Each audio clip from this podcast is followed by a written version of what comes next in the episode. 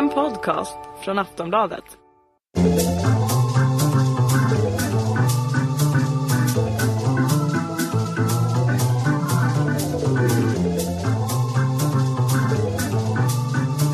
We don't need no education. Yeah.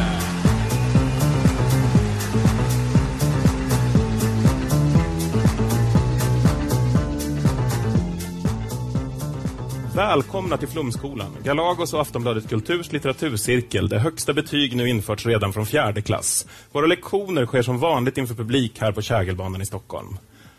Inskrivna och redo för upprop i dagens avsnitt är inga mindre än Nanna Johansson, satiriker och serieskapare. Hej.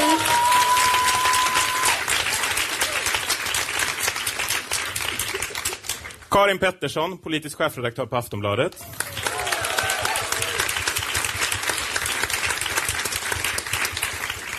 Och Jonathan Unge, komiker från Tankesmedjan i P3.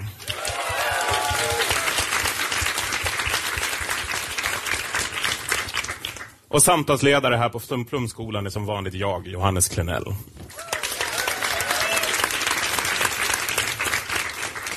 Idag ska vi läsa förra Centerpartiledaren Maud Olofssons självbiografi Jag är den jag är, som hon skrivit i samarbete med sin statssekreterare Katarina Håkansson Boman. Boken ska enligt sin produktbeskrivning redogöra för Olofssons resa till maktens centrum. En resa som, om jag förstått den här boken rätt, innehållit en hel del trivsel, kaffebröd och allsång. Men kanske inte jättemånga misstag. Jag tänkte börja med att fråga, boken heter ju Jag är den jag är. Är det en rimlig titel när det är två personer som har skrivit boken? Jag tycker det är lite lite kaxig titel, så eh, jag är den jag är. Och det tycker jag passar den här boken också, som jag antar att vi kommer komma in på sen, att eh, Maud Olofsson har inte gjort ett fel i hela sitt liv. Eh, och så tänker jag att det skulle kunna vara ett svar på eh, kritik, så. Jag är den jag är. Det är ett fuck you-svar. Jag är den jag är. Moses eh, tror, frågar Gud vad, han heter. Och han bara, jag är den jag är. Och lite så tror jag också att Maud, alltså det hon försöker förmedla med det. Vad säger du Karin? Nej, jag tänker om man tittar på bilden på statssekreteraren i, här bak, så ser de exakt likadana ut. Ja, jag är den jag är. De är samma, samma person. Boken börjar i alla fall i Maud Olofssons barndoms Ångermanland. Hon skriver så här. Där jag växte upp fick man från början lära sig att inte slösa med godslånet. För bara några decennier sedan var det en tvingande nödvändighet för min och många andra familjer att hushålla med sina knappa resurser. Det kunde rent av vara en fråga om liv eller död. Min mamma och alla andra kvinnor i byn tänkte miljö och klimatsmart redan då, men utan att veta om det. De gjorde bara som generationer kvinnor före dem hade gjort och visste allt om självhushåll och resurshållning. Varje del av en kalv, gris eller höna togs tillvara. Restdelarna maldes ner i köttkvarnen. Även jag fick lära mig att koka grishuvudet för att få ut pektinet till syltan. Vid en Wikipedia-koll går det att läsa detta om pektin. Pektin är en polysackarid, en kolhydrat som är vanligt förekommande ingrediens i vissa livsmedel och finns i bland annat äpplen. Det finns även mycket pektin i primärväggarna hos högre växter. Strukturen är ytterst komplicerad och består av bland annat släta regioner bestående av polygalakturonsyra och håriga regioner med en huvudkedja av varannan galakturonsyra och varannan ramnos. Alltså, hur mycket tror ni Maud fick koka det där grishuvudet för att det skulle gå från djur till växtriket? Vad säger du Jonathan? Jag tycker att det är en lite tråkig spaning från din sida. Faktiskt. Känns som ogin vänsterspaning. Hon skrev fel. Hon menar gelatin. Vi förstod aldrig vad hon menade. Och det är ju bara förbannat fint tycker jag, att hon eh, tar tillvara allt, allt på grisen och ser till att man kan göra någonting smarrigt även av det som inte kanske verkar så aptitligt. Eh, och, eh, och det är väl bara, det är väl en av de första saker man läser i den här boken, där man bara vill ställa sig upp och ge den här kvinnan en high five. För det är en fantastisk, det är en fantastisk människa vi talar om här. Och det ger ju också boken prov på. Från första till sista sidan. Karin Det här är- Pettersson. Ja, nej, men jag ser det här mer som en... Eh, jag håller med om att det är en fantastisk bok. Jag har läst den två gånger nu och den bara ger och ger. Den, den växer sig på den. Två gånger!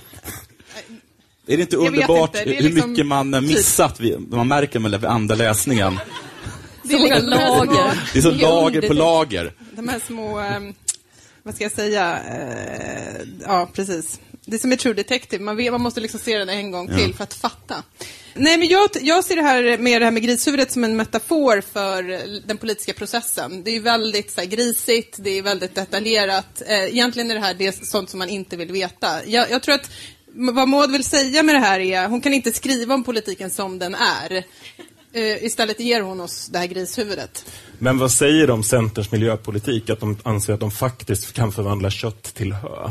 Jag tror att det säger någonting om Mauds eh, megalomani som jag tror att vi kommer komma tillbaka till sen. En smula. Men jag tycker på det här med eh, att det faktiskt, du faktiskt hittar ett fel i Mauds bok. Jag tror om du skulle säga det till henne, då skulle hon ju såklart skylla på författaren till boken. Vad heter hon nu? Maud? Karin, Karin. Lena. Lena. Katarina Håkansson. Katarina Håkansson, ja. ja, inget, fel, inget fel på Karin som namn absolut betraktat. inte.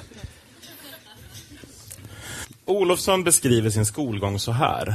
Medan vänstervågen sköljde över världen på 1970-talet var jag borgarbrackan och lantisen som stod på skolgården mest hela tiden och käftade med kommunistisk ungdom och alla andra vänsterrörelser med olika bokstavskombinationer.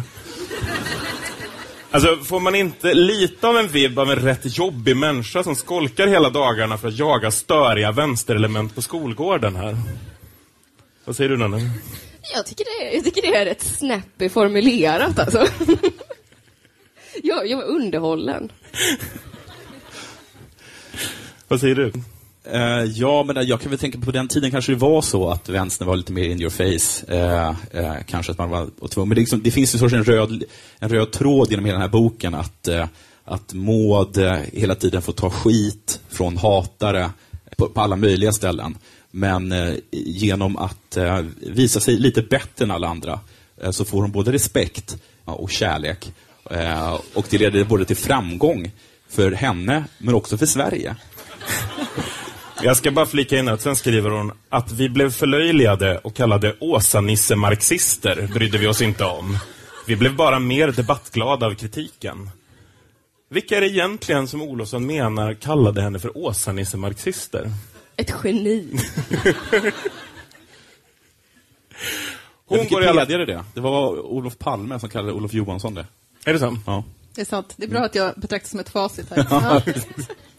Var ganska taskigt. Men jag vill säga, det, för det här, hon etablerar ju ett annat helt centralt tema här, tycker jag redan här. Även om hon inte säger sosse-Sverige, så är det ju det. Alltså hela Mauds gärning, hela hennes ilska, hela hennes drivkraft, allt hennes liksom hat som egentligen eh, också är ett ehm, jag tror är hennes drivkraft, det, ha, det är ju hatet mot sosse-Sverige. Hon är ju så kränkt av sosse-Sverige. Det är liksom, hennes resa handlar om det. Vi ska återkomma till en analys utav det.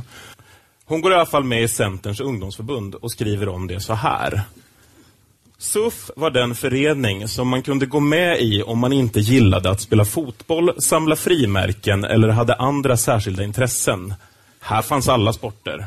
I SUF fick man vara hur som helst, bara inte dryg, sa en gammal vän till mig.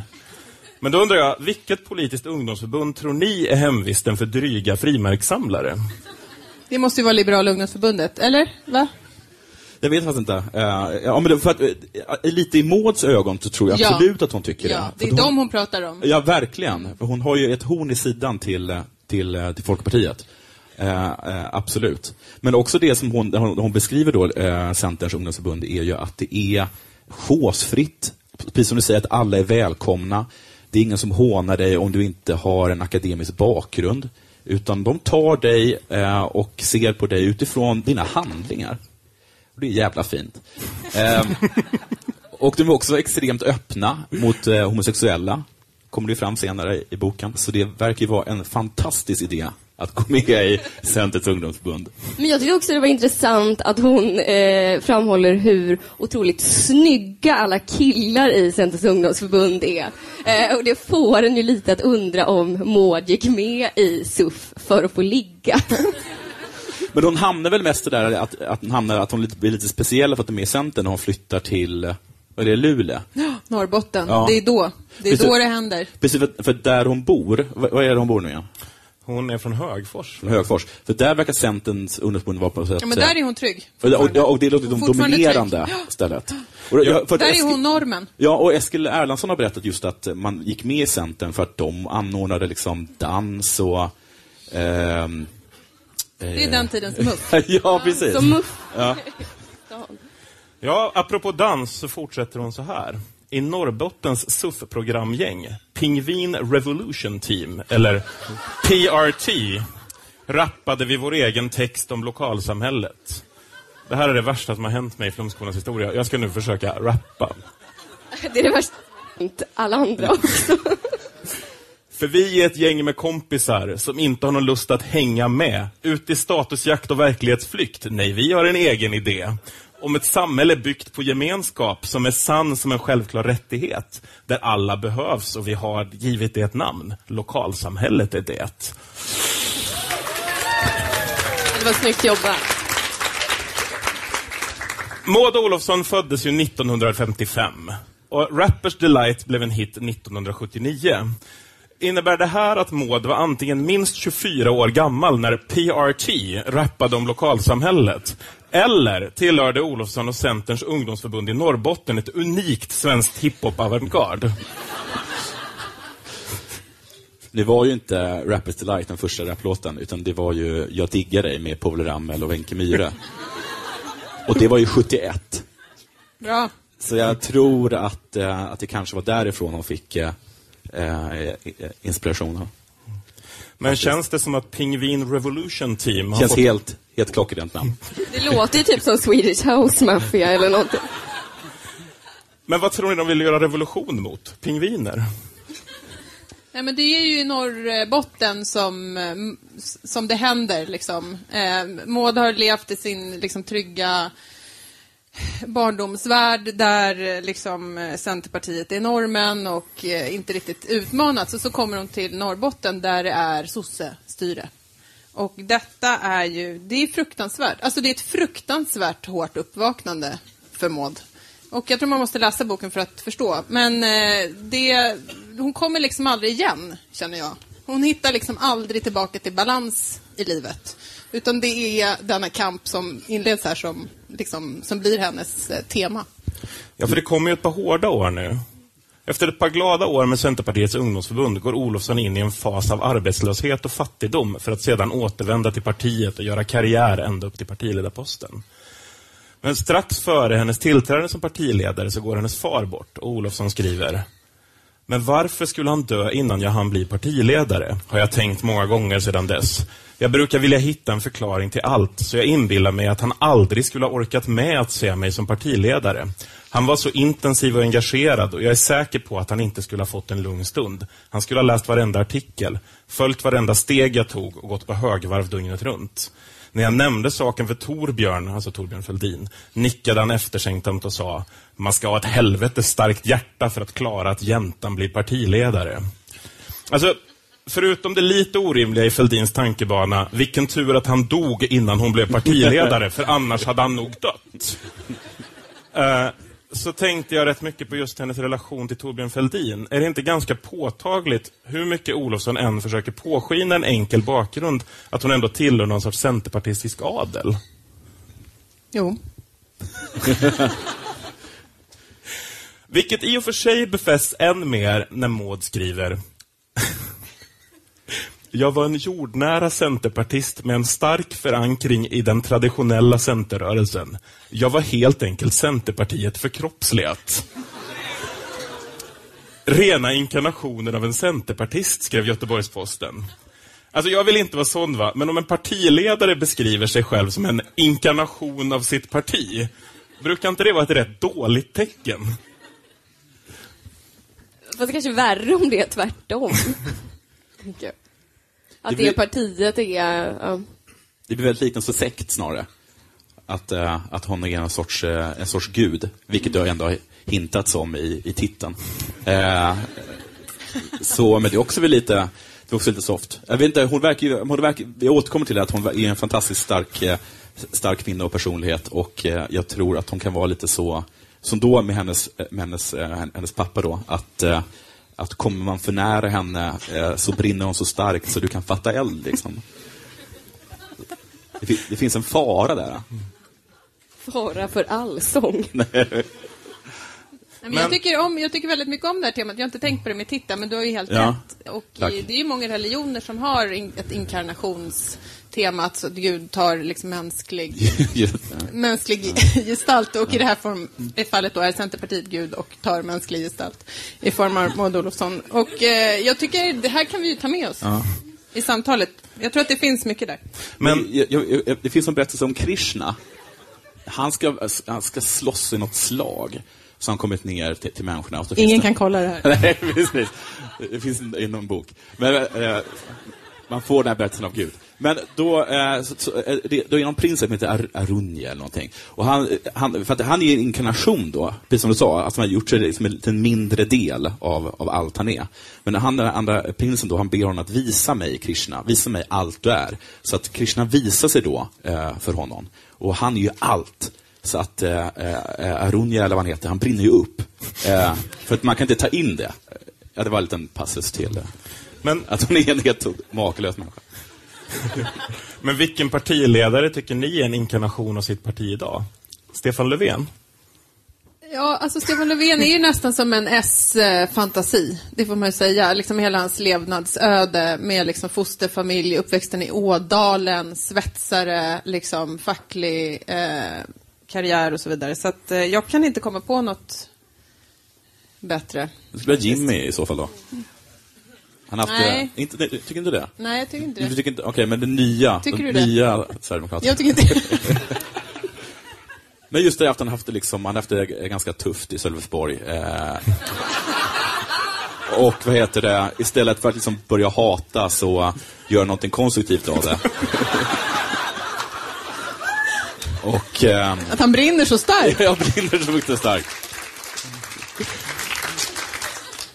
Nu kommer vi till vad jag skulle beskriva som bokens mest episka ögonblick. Olofsson skriver. Det var inte bara en ny partiledare som skulle väljas, utan vi ville att hela stämmoarrangemanget skulle signalera någonting nytt. Vi släppte lite på det formella för att släppa fram mer lust och glädje och blandade det högtidliga valet med Håkan Hagegård, Einbusk Singers och Cirkus Cirkör. Vad ingen visste var att en alldeles särskild person skulle dyka upp den här dagen. Torbjörn Fälldin, som inte satt sin fot på en centerstämma sedan partiet avsatte honom under tämligen ovärdiga former 1985. Det blev så tyst i rummet att man faktiskt kunde höra en knappnål falla. Folk stod som förstenade i bänkarna. Vad var det som hände? Så småningom började det gå upp för ombuden att det var Torbjörn Fälldin som var på väg in i salen. Och jag såg hur tårarna började trilla ner för kinderna på många som var där. Inte ens journalisterna som hade sina platser längst bak i lokalen visste hur de skulle reagera. De stod bara helt stilla. Stämningen var magisk. Alltså, gycklare, den förlorade konungen som återvänder, folket i tårar. Hur Sagan om ringen är inte det här? Det roliga är att då blir Maud Olsson Frodo. Eller Aragorn, eller hur? Ja, det är Nej, mer det är ju Torbjörn Fälldin. Ja, det tror jag inte. Men just alltså, eh, jag vill, eh, utan att, eh, jag kan faktiskt, jag läste upp, jag läste den här boken på, på tåget upp eh, och eh, den här, den här scenen på riktigt gör faktiskt bara den gör att den här boken ska filmas. För det är, en, precis som du säger, det är en, ot- det är en otroligt, det är en otroligt cineastisk scen. Och just det som, jag vet, du berättade inte, men eh, Torbjörn Fälldin hade ju liksom, han hade tvingats avgå under förnedrande former och hade vägrat Ja, gå. det är ju det. Alltså, du bygger ju inte upp det här Nej, alls. nej. Jag blir, liksom, du sabbar ju. Ja. Det är ju fantastiskt crescendo, hela den här scenen. Ja, de kan liksom inte fatta. efter- Torbjörn, vad helvete. Nej, men de- de Torbjörn, tror ju tårarna inte. rinner, ni Ja. skrattar, men Ja. ni fattar inte Nej, vad det här är. precis. För Centerpartiet, det här är liksom en, läke, en läkestund efter Ja. liksom år av krig, inbördeskrig, många människor som har liksom, Ja. ja. blivit sårade. Nej, men det är faktiskt... Ringen, vart tog den vägen? men, alltså, eh, helt seriöst, jag, jag, jag, jag, fällde, jag började faktiskt nästan att, jag var lite bakis, jag är ganska eh, känslig då, men jag, bör- jag, började, jag började faktiskt gråta när, jag- när, jag, när jag, för det är så jävla vackert, just precis att, att, att, att just det här läkande, och att han, ehm, eh, Och att han, och att, att han, är, han är där liksom som vän till, till, till hennes far. Eh, och eh, sen så sitter hon där alltså med, med Torbjörn som är en ikon inom både vänstern och, och, och det borgerliga. Och, vad heter det? och så sitter hon också, vilket är kanske ännu vackrare, eh, bredvid Karin Söder. Alltså den, den första eh, svenska eh, kvinnliga partiledaren. Och det är ju, eh, så det är ju, Nej, det är starkt. ja. En grej som blir rätt... En grej som är rätt uppenbar redan här är ju att Olofsson inte är speciellt förtjust i socialdemokratin. Hon skriver Vad krävs för att ni ska samarbeta med Socialdemokraterna? Världskrig, svarade jag med sådan frenesi att det fladdrade om mikrofonen. Vad var det som cementerade det här sosseföraktet hos Olofsson? Jag känner att det är min fråga. Men, men, eh, nej, men det, det är ju det här med Norrbotten, eh, där det händer. Men sen är det ju en person. Det handlar ju om en person. Och eh, ni kanske har gissat det redan, men det är ju Göran Persson. Och eh, han är liksom hennes nemesis, hennes eh, Sauron eller liksom Voldemort. Eller, alltså han är, eh, han är Harry mörkret. Potter kanske till och med. Nej, alltså han är ondskan. Ehm, och ehm, i Maud Olofssons värld.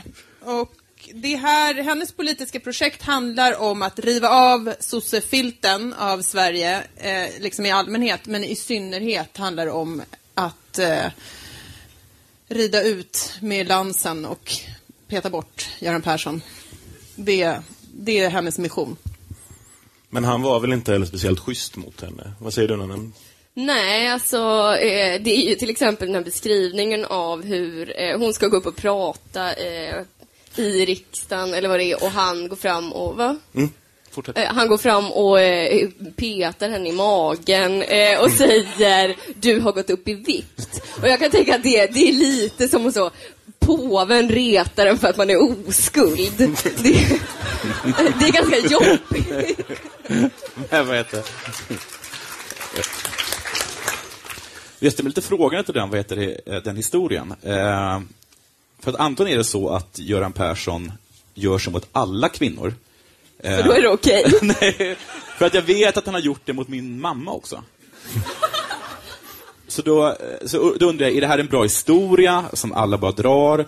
Eller liksom utsätter han den för, för, för, på alla kvinnor? Tror du att din mamma ljuger? Nej.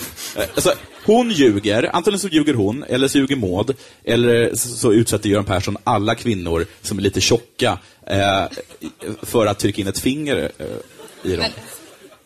Det är ju fruktansvärt. Nej, men bara, men jag bara, det blir ofta så att det, det, är en bra historia, jag bara undrar om man har läst den. Men jag tror man måste liksom eh, tänka, och också när man tänker kring Centerpartiet och eh, Socialdemokraterna, måste man ju tänka, liksom också, det finns också en historia där med liksom samarbete, sossar och centerpartister har samarbetat över blockgränserna, det har varit liksom grabbar som har liksom gillat varandra och gjort upp om energipolitiken och sådana där saker. Eh, så det här är ju också, det Maud Olofsson gör är ju också ett brott mot en liksom lång tradition. Där hon går verkligen, hon är den hon är. Hon går sin egen väg. Eh, och det får man ju, eh, hon satsar ju allt liksom på det här projektet. Att se, ja, bygga alliansen, säga nej till Socialdemokraterna och eh, nu ligger ju Centerpartiet på 3,9 procent. Så att, ja. men, men, jag håller, med- men det som jag var imponerad över, precis som du säger, så, eh, så var det Olof Johansson som flörtade med, med, med sossarna. De var liksom inte Ja, helt klara annat. om de var borgerliga eller inte. Men hon gjorde ju jävligt klart att det var ett borgerligt parti. Och hon, eh, eh, hon gjorde upp med deras eh, eh, hjärtefråga med, med, med Hon sålde ut kärnkraften. och sålde ut kärnkraften, kan man- eh, snyggt. Och vad heter det, hon har bänt partiet efter sin egen vilja, får man, får man ändå säga. Så Nanna sa det att, att hon, hon bestämmer sig för hur det, ska, hur det ska bli. Och sen så åker hon till eh, kommundagarna och, och berättar för dem att så här ska det vara. Hon målar upp en vacker bild och så går de med på det. Men hon, Det är verkligen, fråga inte om lov, Nej. be om ursäkt i efterhand. Nej. Fast det gör hon ju inte heller i och för sig. Så det är bara, fråga inte om lov. Punkt. Hon skriver, nu, hon är rätt taggad kring det här när hon skriver men när jag väl steg upp på scenen i Almedalsparken till dånande slager och skrikande centerungdomar vid scenkanten var jag taggad till tusen. Hon säger, nu är jag trött på sosse-Sverige. Sossefilten breder ut sig. En sak jag har lärt mig av Maud Olofssons bok som jag inte visste innan var att mellan tiden för alliansen mellan alver och människor och tiden för den borgerliga alliansen försökte Olofsson och Leijonborg tydligen få till en regeringsallians mellan Folkpartiet, Centern, KD och Miljöpartiet valen 2002. Hur såg ni på det? Det var lite nytt för er också. För mig var det nytt. Jag, jag visste inte alls om det här. Och jag tyckte det var intressant eh, hur eh, hon fortsätter liksom där med, med, sin bashing av Folkpartiet. Hon gillar ju verkligen inte eh, Leijonborg. Han framstår ju som en, som en fåfäng fjant. Som bara vill, liksom vill sitta i regeringsställning för att kunna kalla sig för statsminister. Han har gjort en kanonval då. Men jag visste inte alls att det var så mycket, att, att, att, att jag känner inte alls till det där spelet bakom, vad heter det? Kulisserna. Kulisserna. Hur var det med det spelet egentligen? För de skyller ju allting på Miljöpartiet i slutändan. Ja, men jag tror att det ligger mycket sanning i det. Jag jobbade faktiskt i regeringskansliet då och eh, såg det där på ganska nära håll. Och det var ju, eh, apropå hat, liksom, som ju är en stark drivkraft i politiken som vi lär oss bland annat i den här podden. Så eh, Miljöpartiets svek, nu, pratar, nu är jag Göran Persson, Miljöpartiets svek då utifrån Göran Perssons perspektiv när de sätter sig och regeringsförhandlar med Centerpartiet KD och C, det förlät han dem aldrig. Och det var ju inte speciellt nära att de lyckades, för att de hade inte riktigt förutsättningarna. Men, men eh, mm. Men fråga sak, var det innan de hade liksom skickat ut trevare att få sitta med i, ja, de spelade, Nej, de spelade liksom dubbelt. Alltså det var samtidigt ni gjorde det? Mm. Maud Förstå kan- Göran Perssons vrede. Ja, ja. Nej, men han hade rätt att peta på mål. Det sa jag verkligen inte. Nej, där, la jag ord i munnen. Maud kampanjar i alla fall mot EMU, något som sätter den i skottlinjen för många forna allianser. När hon bjudit in talaren Janet Bush, representant för Storbritanniens nej-kampanj, uppstår skandal. Olofsson skriver. Vad vi inte visste var att nej-kampanjen i Storbritannien ett år tidigare hade gjort en reklamfilm där någon klätt ut sig till Hitler och jämfört Hitlers idé om en gemensam valuta med valutaunionen i EU. En satir som Janet Bush hade fått kommentera i BBC. Satiren kanske skulle funka i Storbritannien, men i ett svenskt sammanhang var den extremt kontroversiell. You think? Men jag undrar vad, vad den stora skillnaden är. Alltså varför, är den, varför funkar den så bra i England? Men varför är den kontroversiell här? Ingen aning. Hon, hon fortsätter i alla fall, och snart hade vi hela mediedrevet över oss. Ingen var intresserad av de ekonomiska argumenten mot EMU. Alla frågor handlade istället om Hitler. Hon fortsätter. Det var då jag råkade säga något om Hitlers tokigheter. Vad var det som hände här egentligen? Måns Mauds egen story är att, att det var ja-kampanjen som hade liksom eh, lagt någon försåtsminerat hela Almedalen. Och det är också roligt, som Nanna sa förut, att hon gör ju aldrig något fel. Inte ens här, när hon pratar om eh, tokigheter som Hitler hade gjort. Vad var det som hände där, Jonathan? Ja, och hon Alltså- sa att hon blev lite överrumplad och var tvungen att eh, och liksom, eh, improvisera fram ett, eh, ett svar. Och det vet vi alla eh, hur det blir då. Eh, och hon återkom också till det att alla gånger som det har blivit fel är ju bara för att hon inte är påläst, eller att hon är lite stressad, eller någonting sånt. Sen kan man också tänka sig och att hon kommer från en annan generation, och att ordet tokigheter kanske har mycket, mycket starkare innebörd eh, eh, på den tiden. Alltså, eh, vi ser... Du skulle säga Hitler. Nej, nej nej. Eh, han har, Hitler har väl blivit lite mer eh, kritiserad eh, efter 30-talet. Men så har synen på honom ändrats. Men, men, men språk ändras ju och eh, tokigheter för oss, eh, det ser vi som knasigheter. Medan på den tiden så kanske man sa sinnessjukt avskyvärt. Att det var det som betydde. Han är lite tokig, alltså han är lite helt fruktansvärt galen. Kan man tänka. Varför försvarar du Maud hela Nej, tiden? det gör, det gör, jag, det gör jag inte. Jo, det gör du verkligen. Det gör jag inte. Men, men jag... jag Man sugs in i hennes värld när man läser den här det gör boken. man. Det gör man. Den är farlig på så sätt, den boken. Den här fällan från ja-sidan är dock det närmaste vi kommer en miss av Olofsson. Och redan året efter är en taggad Maud tillbaks i Almedalen och utbrister. Vi måste sluta vara matade fågelungar och bli ivriga bävrar, sa jag inför ett fullpackat Almedalen. Jag ville få folk att se sina egna möjligheter, känna den egna kraften och bli lite mer företagsamma. Min entreprenörssjäl glödde. Olofsson har nu hittat ny kraft och är råtaggad. Planerna för alliansen är igång och en journalist skriver det är uppenbart att Centerpartiet har moderniserats.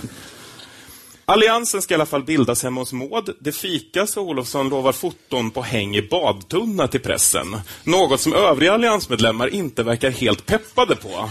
Hon skriver Media behövde fler bilder. Alla frågar efter badtunnan som jag utlovat. Tyvärr går inte det. De andra partiledarna är rädda för fotograferna.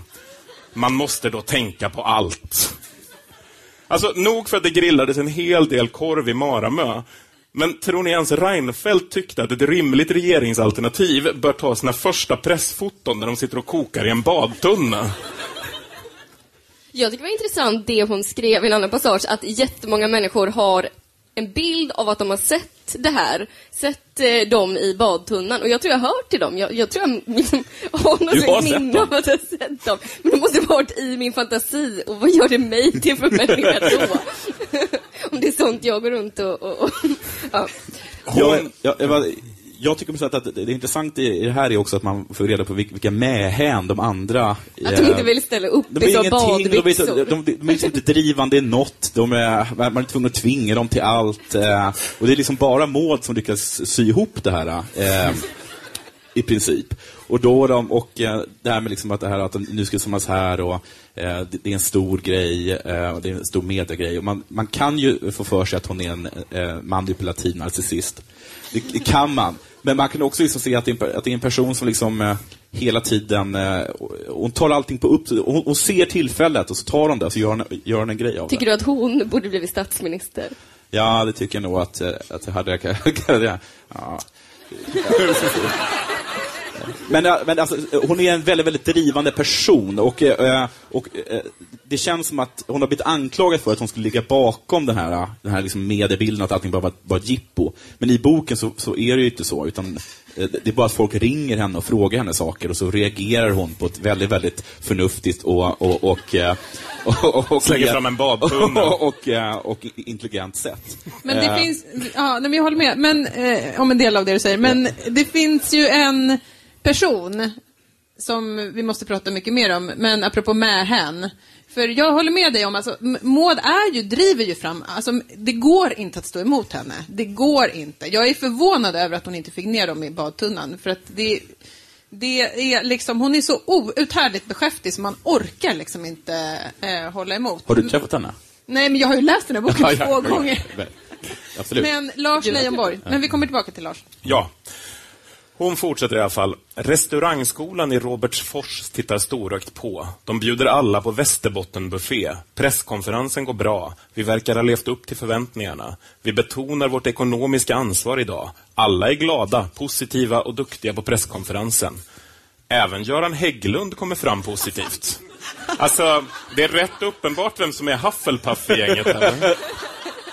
Jag tycker det är härligt att hon är så, och, och, och, hon beskriver människor så himla förminskande ibland. Det är en annan så, det är typ en rysk eh, miljardär som hon beskriver som en, vad jag säga, en liten varelse med lugg och korintögon. Och det är ändå någon sorts maffiakaraktär från Ryssland som ska köpa Saab. Ja. Det är väl lite nedlåtande, men gudskelov så räddas hon av sin kvinnlighet. Eh, eh för att hon får ju väldigt fort eh, moderskänslor för den här, den här eh, ryska miljardärskurken. Eh, för att, alltså, lite, men, men alltså just som hon, när hon beskriver dem sådär, att de, att de var duktiga och att till och med, till och med Lars eh, hade på sig eh, kläder, eller vad.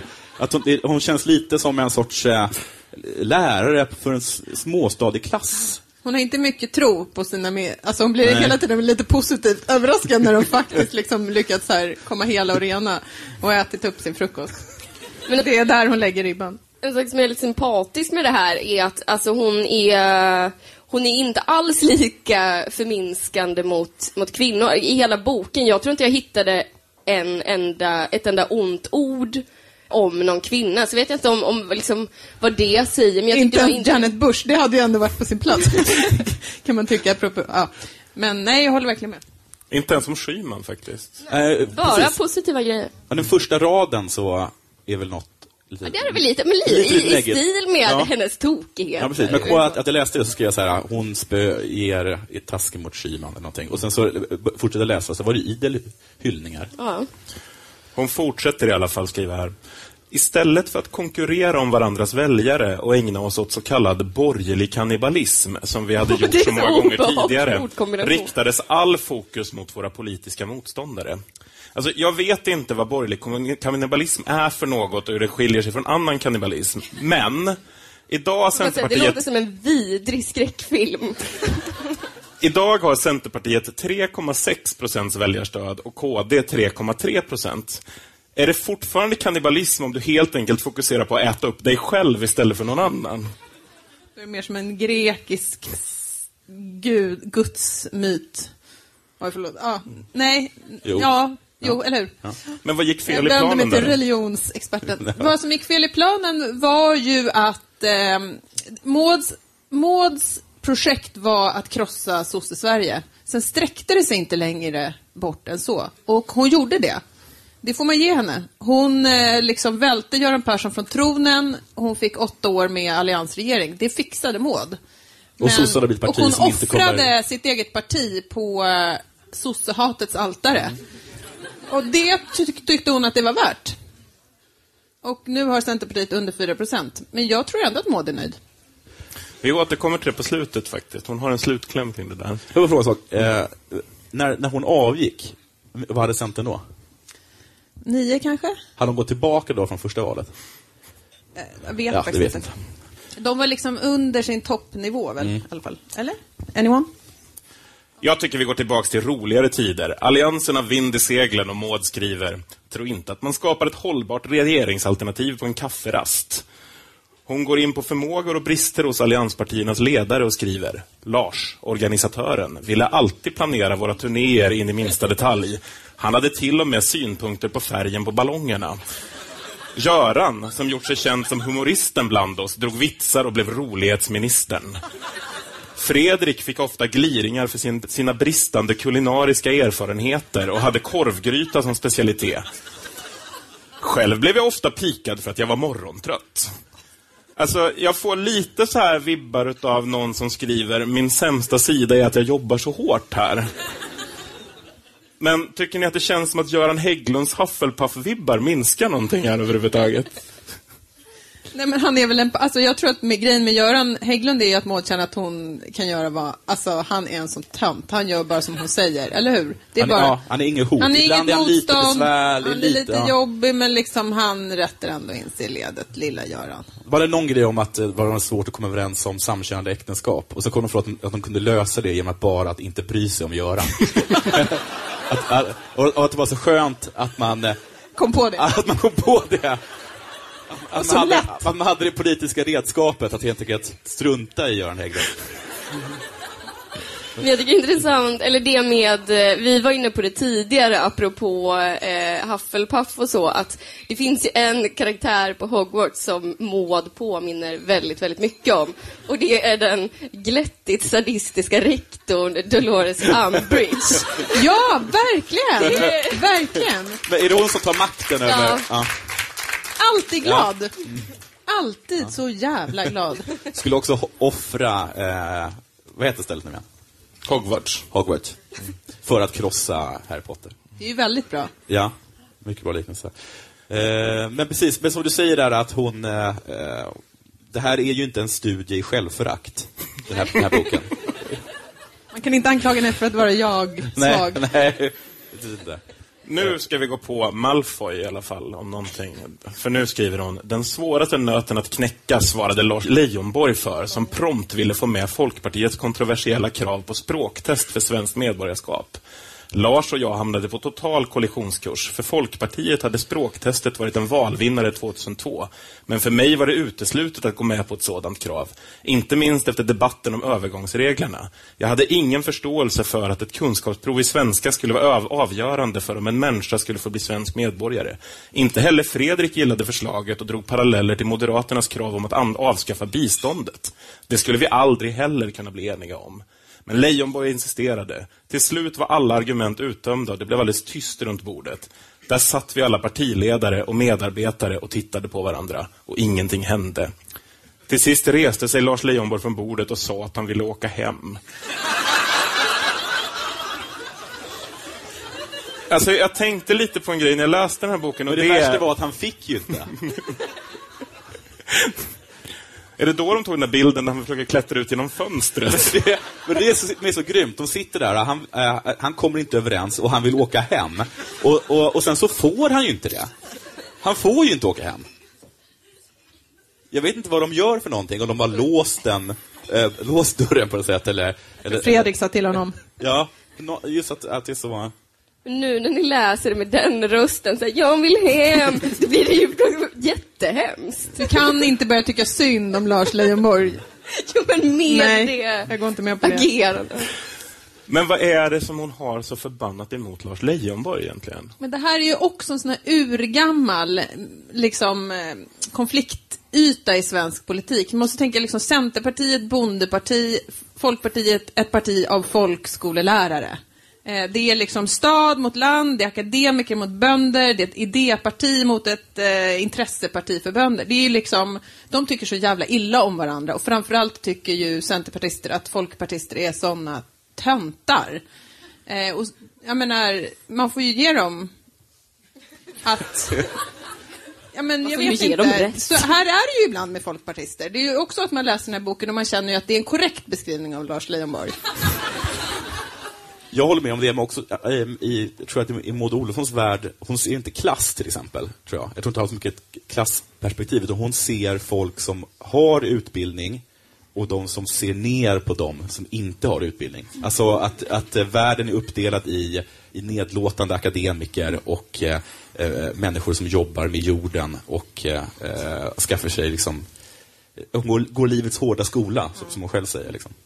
Att, att, det, att det är en, en stor grej. Men Man får Leijonborg- komma ihåg att Luff har haft liksom, demonstrationståg där de går runt och skriker hata, hata, hata LRF. Ni förstår, alltså det är inte lätt. Ja, jag fick höra det av en kollega. Jag vet inte, men det är en bra story. Ja. Men också det, positivt för henne, så får man, eh, så, alltså hon, eh, hon framstår ju också som, som, liksom, som de mänskliga eh, rättigheternas eh, förkämpe. Intressant att du säger det här, Ja. för nu går vi vidare till omröstningen om FRA. Och här skriver Olofsson angående Annie Lööf och Fredrik Federleys motvilja för att rösta ja till FRA. Tiden började bli knapp och jag bad till sist Andreas, som är en idérik och kreativ person, att stänga in sig med Fredrik och Annie på miljödepartementet och inte komma ut därifrån förrän de hade hittat på en lösning som alla kunde ställa upp på. Jag vill inte vara sån, men är det verkligen så fantastiskt idérikt att låsa in två riksdagsledamöter tills de ger med sig? Framförallt verkar det här vara ett tema, att om det är någon som är liksom jävligt jobbig, då låser vi in den personen. Det funkade med Lars, det är klart det ska funka med Fredrik och, och Annie. Men jag tycker att det är så fantastiskt att hon beskriver det här att Carlgren låser in sig med de här som liksom någonting så här idérikt och kreativt. Jag vill minnas att Federley kom ut och grät från det där rummet. Var det inte så? Krokodiltårar om du frågar mig. Men där, hon framstår verkligen som, eh, som superhård i, i, det, i det kapitlet. För att hon ger ju ingen som helst eh, äh, ånger eller, eh, eller, eller någonting sånt. Utan det, eh, hon, liksom, hon, hon, precis som hon har bänt liksom, partiet av sin egen vilja, så hon liksom bänder ju enskilda eh, liksom medlemmar i sitt parti att, liksom, att, att följa partipiskan. Och hon ringer ju upp Lars Leijonborg och typ, eh, som jag lite med de här raderna, skäller ut honom för att han är en sån mes mot, mot, sina, mot, mot sina egna, de, de inom, inom hans parti som vägrar att eh, rösta för eh, FRA. Så att hon tvingar honom att, att, eh, att slå sina egna. Men det är därför den här Dolores Umbridge-liknelsen är så himla bra. Därför att i- vid första anblick kan Maud verka mjuk och glad och liksom varm. Men när, ju längre man följer henne genom hennes politiska karriär så ser man ju att hon lämnar ju ingen blocka, blo, blotta. Hon är hård som stål. Eh, och hon kliver ju över bokstavligen, inte bokstavligen, men Men jag hon tänkte kliver på, över lik. jag inte tänkte på en grej här och det är vad säger det oss att typ enda gången Annie Lööf är med i boken så spärrar Olofsson in henne i ett rum? Ja, det är ju också en grej att Annie Lööf finns ju inte med i boken på slutet. Inte alls. Inte alls. Vad beror det här på, Jonathan? Alltså jag har ju ingen aning, för precis som jag talade med Nanna tidigare så trodde jag att hon var hennes kronprinsessa. Eh, och, och så. Men då eh, utgår jag väl på sätt istället för att hon, har- att hon har liksom agerat som, som väldigt många mäktiga personer har gjort innan henne. Att man ser till att eh, den som efterträder den är eh, sju resor sämre. Eh, Fast det var ju Anna-Karin Hatt s- som skulle bli. som skulle bli, som var liksom Ställdes de mot varandra i den något? nya Maud. För hon älskar hatt. Hon älskar Hatt. Ha, hatt får... Det finns få sidor där inte hatt får säga en tumme upp. Hatt Jag försöker kommer in också i komma bilden. på något att säga, så jag får säga hatt flera gånger. Hatt kommer i alla fall in i bilden här, för nu så skriver hon vi var olika personligheter, Fredrik, Lars, Jan, Göran och jag, med olika temperament som kompletterade varandra. Min egen energi tror jag smittade av sig till de andra, fast ibland kunde det nog bli för mycket av den varan. Jag är väl medveten om att jag bara har två lägen, antingen på eller av. Jag fick en känsla av att Maud oftast är rätt på. Ett tecken på det är när hon skriver jag tog för vana att alltid avsluta samlingarna med tjänstemännen i näringsdepartementet med allsång. Det var bara för de nyutnämnda ministrarna Katarina Elmsäter-Svärd och Anna-Karin Hatt att sjunga med i Imse Vimse Spindel. Alltså det här är så... Om ni var tvingade av er partiledare, som säger sig vara ert parti förkroppsligad och som låser in motvilliga riksdagsledamöter att sjunga Imse Vimse Spindel, skulle ni då säga att dennes energi är ett, smittande, kryss, lite för mycket av den varan, eller två, en smula sinnessjuk? Jag kan typ inte tänka mig något värre än att på sin arbetsplats typ varje dag behöva sjunga allsång med också någon som är superpå och tycker det är så himla kul. Så övertänd hela tiden. Men där återkommer jag ytterligare en gång till att kommer du för nära Maud så, så, så kommer du börja brinna. Liksom. För att hon är, det, det, det är så fruktansvärt mycket eh, awesomeness i, eh, i, i, i, den, i den lilla kroppen. Men man, man kan ju skratta åt det här med att hon, eh, att hon tvingar eh, fullt vuxna människor att, att eh, sjunga eh, allsång. Imse ja, eh, som, där det också är liksom, eh, rörelser till. Då. Så det kan man ju, det, det kan man ju eh, skratta åt. Men lite senare i boken så visar det sig att hon eh, samlar EUs alla vad är, vad är det, miljöministrar eller energiministrar Ja, och eh, liksom även tvingar dem till allsång. Men Eh. tror ni att de bad Andreas Karlgren låsa in dem som inte ville sjunga? det vet jag inte, men eh, så som kapitlet slutar så slutar det ju succé. Men jag tycker så här, hur många kapitel kapitel. hade kunnat skrivits som inte slutar i succé, där alla bara, men snälla Maud, inte igen. Maud skriver i alla fall, men som jag alltid hävdade, roligast vinner. Den här mer fryntliga sidan av Maud kommer ju fram väldigt tydligt när Olofsson bjuder oss på sin avskedsvisa som hon framförde för kollegorna i Alliansen. För att ni ska riktigt förstå upplevelsen av att läsa den här delen av boken så har jag bett punklegendaren Johan Johansson komma upp på scenen och framföra Maud Olofssons visa Brev från Maud. Ge Johan Johansson en varm applåd.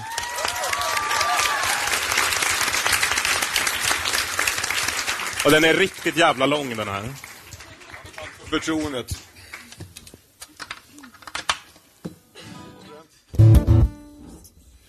Ja, ni får väl då tänka er en eh, fullspikad centerstämma då med full, en handfull människor då. Eh, som, som sjunger tillsammans, high-fivar och skrattar sig harmynta till detta odödliga epos. Nu kollegor, ska ni höra Får jag mitt i maten störa?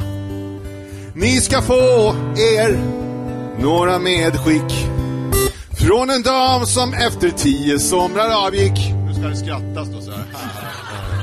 Ja.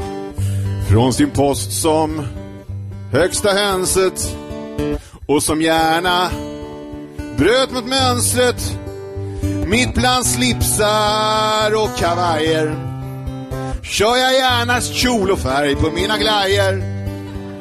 Det var roligt, vill jag lova.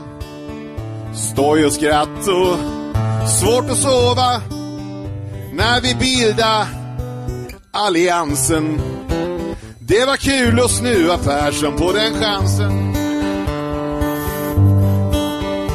Ut i Högfors står fem tallar fast på Jans något ljud i nallar men det växte på vårt skifte som symbol för vårat borgerliga gifte som har hållit sig sju år vid vägen bitvis varit rätt svår men tack vare kompromisser finns det inget rum för någon besserwisser. Håll ut. Det var IK och vi gnabba om någon struntsak vi sammandrabba som protest mot etiketten gled jag ner och la mig mitt på ekparketten. Det kan hända att jag fotar och med ostbit Fredrik hotar här på Harpsund inför valet visar jag det nya baddräktsidealet. Oh. Alltså jag tror så här att uh, vid det här laget så stod hela den här partistämman och köade för kaffe och ostkaka så hoppar över en bärs. Det kommer vara så det räcker för er ändå, jag lovar. Så ett medskick till framöver. Det finns saker vi behöver sänka, stärka, reformera. Det är bara till att börja leverera. Restaurangmoms som halveras. Regelkrångel minimeras. Och klimatet ska vi rädda. Östersjön ska få åter både brax och gädda. Är det ödmjukt så räcker det. Fredrik, Göran och så Janne. Inom kort får en ny ny granne. Ställ dig upp då, bjud på fika. Så tror jag att denna stjärna er berika. Ljus kommer i tunneln här. Kära vänner, här runt bordet. Tack för att ni gav mig ordet. Det har varit helt otroligt. Att få jobba som minister är så roligt.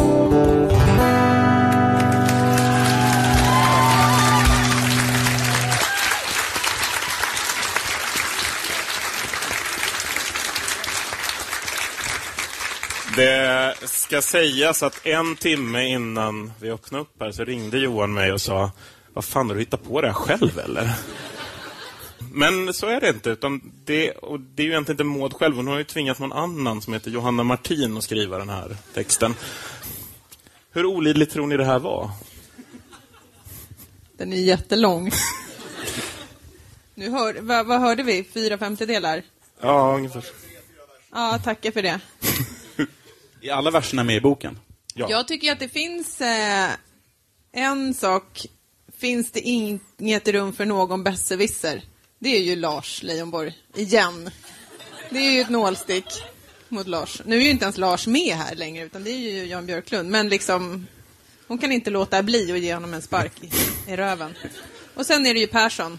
Kul att snuva Persson på den chansen. Ni hör ju vad hennes projekt handlade om.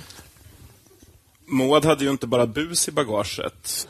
Och även Jan Björklund fick sig en släng av sleven med jämna mellanrum. Hon skriver bland annat jag och Jan kom ihop oss ordentligt och skällde öppet på varandra. De flesta kan nog se bilden framför sig. En stursk major och en tjurig miljökämpe i aktion. Allt medan Fredrik och Göran besvärat satt vid sidan om och tittade på. Uh, nog för att en stursk major kanske passar in på Björklund, men det är verkligen en tjurig miljökämpe de första orden som dyker upp i era huvuden när ni tänker på Maud Olofsson. Vad säger du, Nanne? Jag ty- återigen tycker jag att det är liksom en härlig scen man får upp. Eh, jag sitter med så och bara njuter av den goda litteraturen. Eh, Men, men äh, epitetet miljökämpe på Maud var ju ingenting som dök upp i min skalle innan jag läste den här boken. För att då fick jag ju reda på en väldigt, väldigt massa intressanta saker som har, som har skett. Hon, eh, i princip hade inte bara Du tänker på Brax och gädda? Nej, men jag tänker på att, att, jag tycker att hon hintar om att det var hon som lanserade eh, eh, grön tillväxt och sådana saker. Det var ingen som hade tänkt på det eh, eh, innan. Och att hon lanserade någonting som hette vadå, Green Economy, bla bla bla. Som, som, som hon säger att ingen har hört talas om i Sverige, men det är väldigt stort utomlands. Och hon, hon lyckas charma Medvedev, Medvedev, Medvedev mm. eh, till att i, nästan i princip gå med på, på liksom, kraven från, jag vet inte, Kyoto-avtalet någonting. Han tog på sin knapp. Ja, och hon, eh, hon är ju så otroligt eh, eh, drivande så att hade bara inte Fredrik Reinfeldt varit en sån ryggradslös mes eh, under Köpenhamnskonferensen eh, så hade vi inte haft klimatkatastrof. Lite mellan raderna. Det är synd att hon inte gjorde det till sitt stora politiska projekt Ja. i sådana fall, istället för att riva sossefilten av Sverige. En grej som vi kanske i dagsläget tänker rätt mycket på när det gäller Maud Olofsson är kanske däremot hennes roll vid Vattenfalls köp av Nuon. Hon skriver Misstron mot mig och Centerpartiet var stor från framförallt Jan Björklund och Folkpartiet när det gällde allt som hade med energi att göra. Och när det gäller Vattenfalls förvärv av holländska Nuon är det många som är efterkloka och tävlar om att plötsligt vara experter på analys av energiföretag och energimarknader. De efterklokas förening växer för varje dag och vet precis hur vi skulle ha gjort. Alltså, nu är väl Nuon en historiskt dålig affär för Sverige. På något plan måste väl ändå Maud Olofsson hållas för Alliansens egen Bagdad Bob här. Kunde ni hitta ett enda fel hon ansåg att hon hade gjort i hela boken? Jag tycker det är, det är intressant, det här är ju en högaktuell fråga verkligen. Idag har ju eh, Maud Olofsson sagt att hon inte tänker komma till konstitutionsutskottet och berätta om Nuon-affären fast hon är ditkallad. Och detta är alltså en person som sitter i till exempel statliga LKABs styrelse och liksom får pengar av oss skattebetalare. Men hon orkar inte, nej, hon vill inte komma till KU för hon kommer inte ihåg. Eh, detta är också en person som kommer ihåg exakt hur den här jävla brudnäbbsklänningen såg ut för 48 år sedan. Ja, och det- vad hennes man Ja, sa för det- 22 år sedan, exakt ordagrant. Men det är orättvist. inte- Hade du gjort en, en, en 100 miljarders eh, förlustaffär när du var sådär 4-5, då, då hade du kommit ihåg det. För att, eh, så, så är man när man är liten. Men, eh, men sådär liksom runt 35, 40, 45 om du, om du köper ett, Det är 100 ett bolag för 100 affärer miljarder. hit och det är 100 Så- miljarders affärer Så, dit. så liksom blir dagarna en, en stor grå massa. Men jag tycker det var intressant med den här boken, för att på något sätt kan man ändå känna lite så att hon går inte upp i KU för att hon tar, ett, hon tar en smäll för laget. Eh, hon, skyddar, hon skyddar Fredrik liksom. Eh, och det är väl lite, lite så Maud är. Att hon, eh, för att i den här, eh, det här väldigt, väldigt korta Men jag tycker inte att det är så Maud är. inte? För att i det här äh, kapitlet om, eh, om Nuon så går hon ut och säger, jag tar på mig allt ansvar för det här. Det här var mitt fel. Jag var, eh, jag var högsta ansvarig för det här.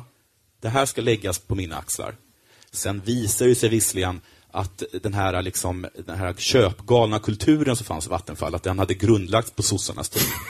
Ehm, och, eh, och att, det- att det fanns en sorts slöskultur inom Vattenfall som då Maud hade, hade sett och sagt åt dem att sluta med. Och att hon hade träffat väldigt många av de personer som var där och jobbade på Vattenfall och att många av dem var falska eh, och, och opolitliga. Så att hon, eh, men hon tar allt eh, på sig. Hon, hon, hon, bär, hon bär våra synder som, som Jesus. Men det är också så att resten av oss är lite fittiga. Och, eh, så det är en liten, liten invändning. Det känns som att det är du som är Maud Olofsson inkarnerad. Det är sant. Det var den finaste komplimang jag någonsin har fått. Det Det är en vinnare. Det är i alla fall dags för Olofsson att avsluta sin politiska karriär och hon skriver men, när det var rätt, när, men när är det rätt dag att avgå? Det är verkligen inte lätt att veta. Jag diskuterade saken med Frank, min pressekreterare, som med bestämdhet avrådde mig från att göra det i Almedalen. När jag istället föreslog en viss fredag i juni såg han alldeles bedrövad ut och tårarna började rinna. Jag hade råkat glömma att det var samma helg som han skulle gifta sig.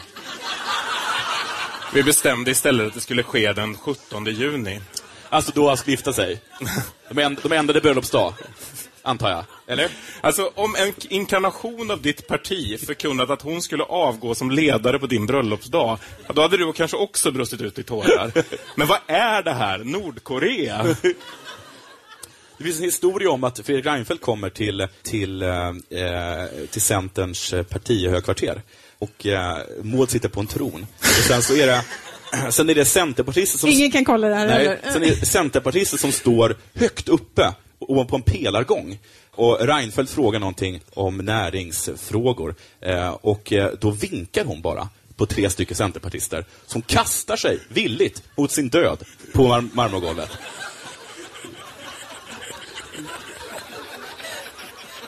Oerhörd... Eh, ja. Det är vil viljans makt. För att hålla liv i Nordkorea-vibben, skriver Olofsson. Jag blev nöjd med medierapporteringen. Jag var ingen bitter partiledare som hade tvingats avgå, utan en glad och lättad Maud Olofsson som nu skulle få tid att ägna sig åt andra saker. Alliansens moder blev den bild som etablerades, och det hade jag inget heller emot. Vi talar alltså om en människa som ser sig själv som sitt parti förkroppsligat, som aldrig gjort fel, men däremot utfört mirakel med ett grishuvud i sin barndom, vars medlemmar faller i gråt både när hon tillkännager sin avgång och under ceremonin hon tillsätts, och som även gärna kallar sig Alliansens moder. Alltså vad säger det här oss om Mauds självbild egentligen? Vad säger Men- du Nanne? Jag fick bara lite obehagliga bilder av eh, alliansen som en kärnfamilj då. Att Maud skulle vara mamma, Fredrik pappa och så de lite bråkiga barnen. en som är lite rolig och en som är lite... Karin? Nej, men jag älskar... Eh, det här är ju något som händer också precis i slutet. Eh, jag tror egentligen att hon hade velat skriva hela boken så här, men hon börjar prata om sig själv i tredje person. Och jag tror du missade det, men jag tror att det är en viktig del av eh, liksom, analysen. Vad gör hon det på riktigt? Ja, en glad och lättad Maud Olofsson. som nu skulle få tid att ägna sig åt andra saker. Hon orkar inte hålla igen. Hon var Nej, så här- nära. Hon var så nära. Hon var Två nära. sidor till. Man bara, Hon var nästan framme och där kommer det, tredje person och Ja. sen Alliansens moder. Som, Är det det eh, den här andra, är den liksom- författaren har gjort, är att bara ändra till jag-form hela boken?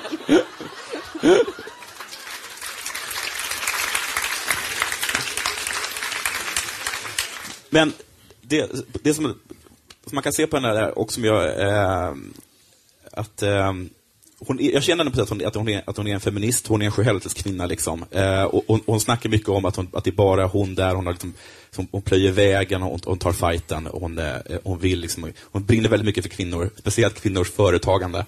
Blir- Hon hon brinner lite, mycket, lite mer för kvinnors företagande än för kvinnor. Men, men, men det är en så otroligt, så otroligt liten skillnad.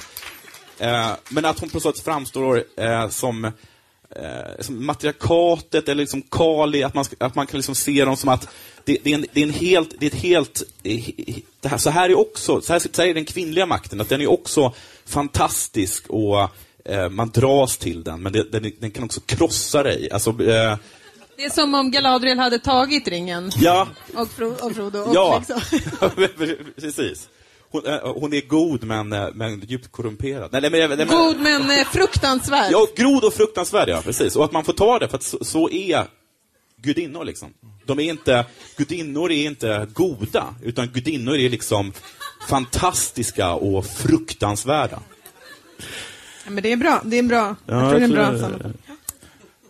Sista citatet nu. Olofsson skriver så här om sin politiska gärning. Det är naturligtvis beklagligt att vårt parti har tappat väljarstöd under regeringsperioden. Men vi kan också vara glada över att vi har påverkat politiken och samhällsutvecklingen mer än på mycket länge. För mig är partiet bara ett verktyg för att förändra samhället. Och jag vet att Centerpartiet gjort skillnad i regeringsarbetet. Vad säger hon här egentligen? Men det är precis Nej, men det hon jag har sagt. säger ju det, hon säger det som jag sagt hela tiden, att för Maud, Olo, alltså, ni, Maud Olofsson får, tar, får partiet från Torbjörn Fälldin, alltså genom sin, hon sitter i köket hemma med sin pappa som är centerpartistisk kommunpolitiker, med Torbjörn Fälldin. Hon är uppvuxen i den här centerrörelsen, hon har fått den här gåva att förvalta. Vad gör hon? Hon offrar den på sossehatets altare. Och liksom, hon gör det helt på eget bevåg. Det finns inget liksom tryck underifrån i organisationen. Det är helt hennes egen idé, det är helt hennes eget projekt. Hon drivs av hat. Eh, Och hon gör det hon förutsätter sig att göra. Hon gör, går liksom hela vägen in i kaklet. Detta, Maud är den hon är. Nej, men hon är, hon är, absolut, hon ätit sina egna barn. men, men, men det var nödvändigt. Jag tror att hon är nöjd. Jag tror att hon är nöjd. Jag tror, jag tror, jag tror att om, när hon blickar tillbaka på sin politiska gärning och ser idag ett Centerparti i liksom, i ett fruktansvärt förfall, så tror jag ändå hon tycker att det var värt det. Det tror jag med. Hon har ju fått, sossarna blir ett parti som inte ens drömmer att vara ett 40%-parti längre. För att avsluta det här nu då. Vem tycker ni ska läsa den här boken? Nanne? Alla som har ett hjärta i kroppen. Jonathan? Nej, jag tycker inte att vi ska läsa den, utan jag tycker som jag sa tidigare att vi ska filma den. Eh, inte snåla med budgeten. Vem ska spela Maud då? Oj, oj, Ulla oj. Skog. Nej.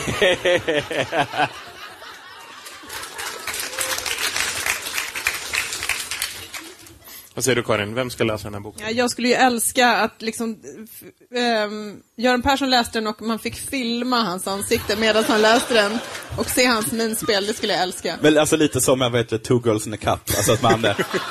Du menar ingen som- reaktionerna ja, det, är- på precis, det? ingen som har sett den filmen, man har bara sett folk se den filmen. Så, så lite så skulle det kunna vara. Och Lars Leijonborg. Och- och Lars. Vad har ni då lärt er av att läsa den här boken? Karin? Nej, men jag har lärt mig att hatet som eh, politisk drivkraft, eh, det kan eh, uträtta stordåd. Om du liksom, om du är beredd att betala priset. Jonathan? Eh, Jag har lärt mig att eh, inte vara rädd för att skratta högt. Eh, våga ta plats. Eh, vara modig. Eh, vara rak. Och att brinna. och att brinna för sina frågor. Och att, eh, eh, att, eh, att sanningen är som kol. Man kan, man kan forma det. och den är söt. Dig? Eh, ja, det skulle kanske vara att eh, det går att lösa allt med lite allsång. Jag har i alla fall lärt mig att när Centerpartiet förkroppsligat, världens första rappare och Alliansens moder drar igång allsången, då är det bara att sjunga med. Annars finns det risk att ett svin som jag förvandlas till en grönsak. Med de orden vill jag tacka panelen och be om en stor applåd för Karin Pettersson, Jonathan Unge, Nanna Johansson, Johan Johansson. Flumskolan är slut för idag. Stort tack till er i publiken. Stanna gärna kvar en stund och ta en öl i baren.